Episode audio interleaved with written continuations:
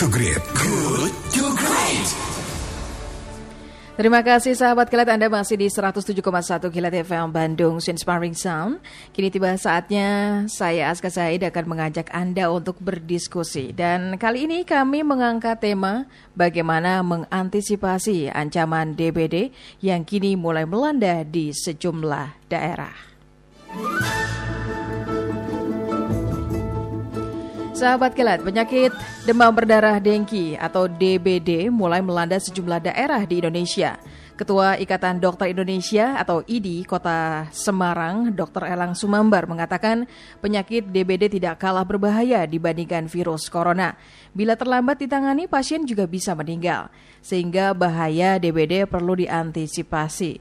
Pernyataan Elang menanggapi kejadian luar biasa atau KLB DBD di tiga kabupaten dari 21 kabupaten di NTT yang menelan korban jiwa hingga 29 orang. Ketiga kabupaten tersebut adalah Sika, Alor, dan Lembata.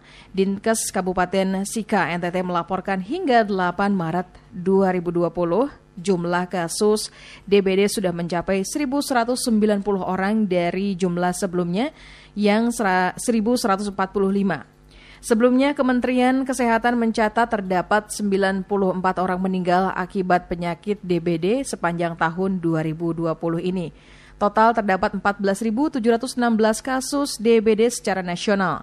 Jumlah kematian tertinggi berada di NTT sebanyak 29 orang. Nah, kali ini kami akan menghadirkan narasumber di diskusi kali ini yaitu uh, Kabid Pencegahan dan Pengendalian Penyakit Dinas Kesehatan Kota Bandung yaitu Dr. Rosye Arosdiani Apip.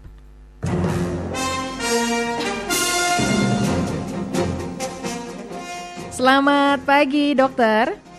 Selamat pagi, Teh. Assalamualaikum. Waalaikumsalam. Apa kabar, dokter? Alhamdulillah. Sehat baik. ya? Sehat. Iya, dokter waktunya kita Iya. ganggu sebentar nih buat ngobrol-ngobrol dulu. Iya. Iya, siap.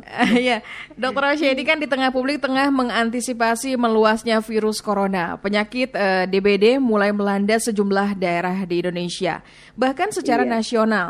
Berdasarkan Kemenkes sudah ada 94 orang meninggal akibat DBD. Bagaimana Iya. dengan Kota Bandung? Perkembangan terkini adakah kasus DBD, Dokter? Iya.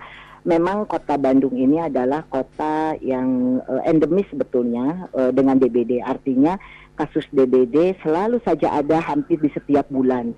Terutama memang tertinggi adalah di sekitar bulan Januari, Februari, eh, Maret ini adalah termasuk yang eh, selalu tinggi. Kami terus memantau.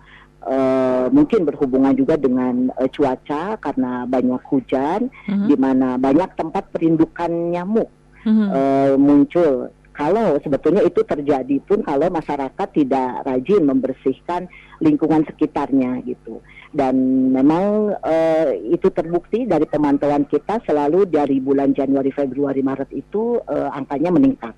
Begitu juga di tahun yang sekarang eh, kami memang eh, sudah memantau dari mulai Januari sampai sekarang sudah tercatat di kami sekitar 452 kasus Hmm. eh, demam berdarah yang terjadi di Kota Bandung dari pelaporan eh, dari seluruh rumah sakit yang ada di Kota Bandung. Eh, begitu mungkin teh. Ya, oke, dokter. Ini upaya apa yang harus dilakukan dalam upaya mengantisipasi DBD meliputi apa saja nih, dokter? Iya, sebetulnya demam berdarah ini eh, bukan hal atau penyakit baru gitu ya.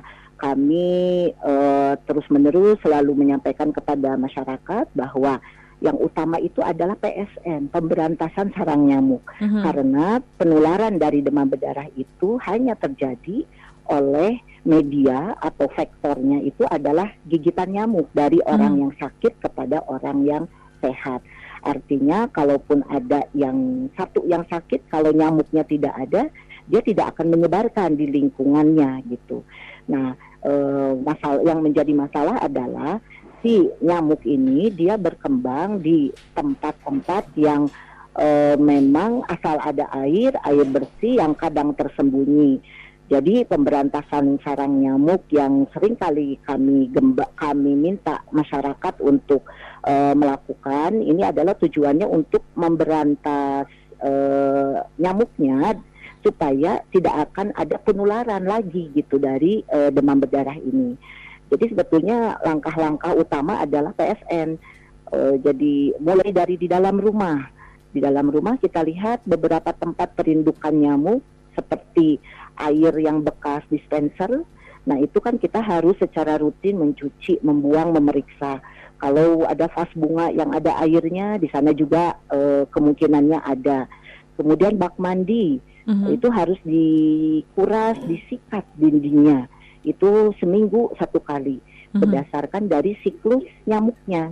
Nyamuk itu e, dari mulai dia bertelur sampai dia menjadi nyamuk itu e, membutuhkan waktu sekitar satu minggu gitu. Jadi kalau kita rutin setiap minggu menguras, kalaupun ada nyamuk yang bertelur di sana, itu tidak e, sebelum berkembang menjadi nyamuk yang baru sudah kita uh, sikat kita bersihkan gitu. Mm-hmm. Satu nyamuk itu bertelur bisa sampai 200 gitu.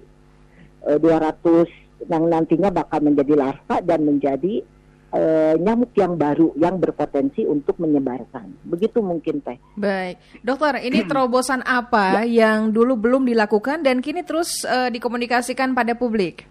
Iya, uh, kami rasanya sudah berbagai cara uh, menyampaikan ada satu gerakan yang disebut dengan gerakan satu rumah satu jumantik.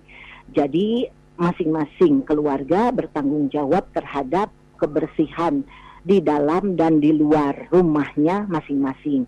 Jadi yang menjadi jumantik itu adalah eh, anggota keluarga rumah masing-masing. Diharapkan kalau semuanya bergerak tentunya kalau yang di RW ataupun di kelurahan itu cukup untuk uh, memantau yang fasilitas umum mm-hmm. seperti mungkin ada taman-taman, masjid. Nah, itu yang bisa dilakukan oleh kader. Tapi yang di rumahnya masing-masing bisa dilaksanakan.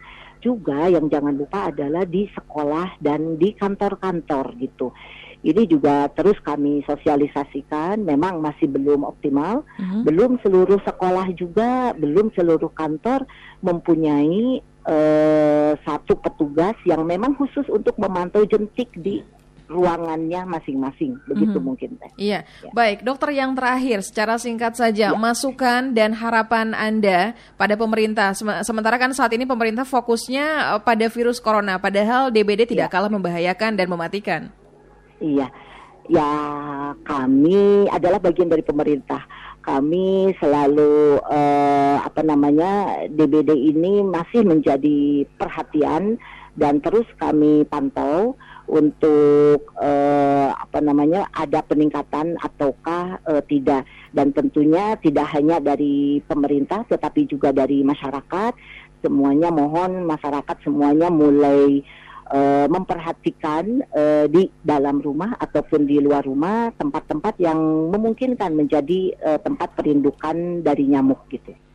Uh, sehingga kalau nyamuk tidak ada, mhm. tentunya uh -huh. demam berdarah pun uh, tidak akan banyak penularan. Begitu juga dengan cikungunya, karena nyamuknya sama. Sama ya. Yang menularkan cikungunya dengan menularkan demam berdarah itu uh -huh. adalah jenis nyamuk yang sama, betul. Oke, okay, iya. Baik, iya. dokter terima kasih okay. untuk perbincangan ya. kita di pagi hari Sama-sama. ini. Ini menambah informasi kita mengenai kesehatan. Iya. Terima kasih. Selamat iya. beraktivitas kembali. Sukses untuk Anda. Ya. Demikian sahabat Kelight perbincangan kita dengan Dr. Rose Arosdiani Apip yang merupakan Kabit Pencegahan dan Pengendalian Penyakit Dinas Kesehatan Kota Bandung.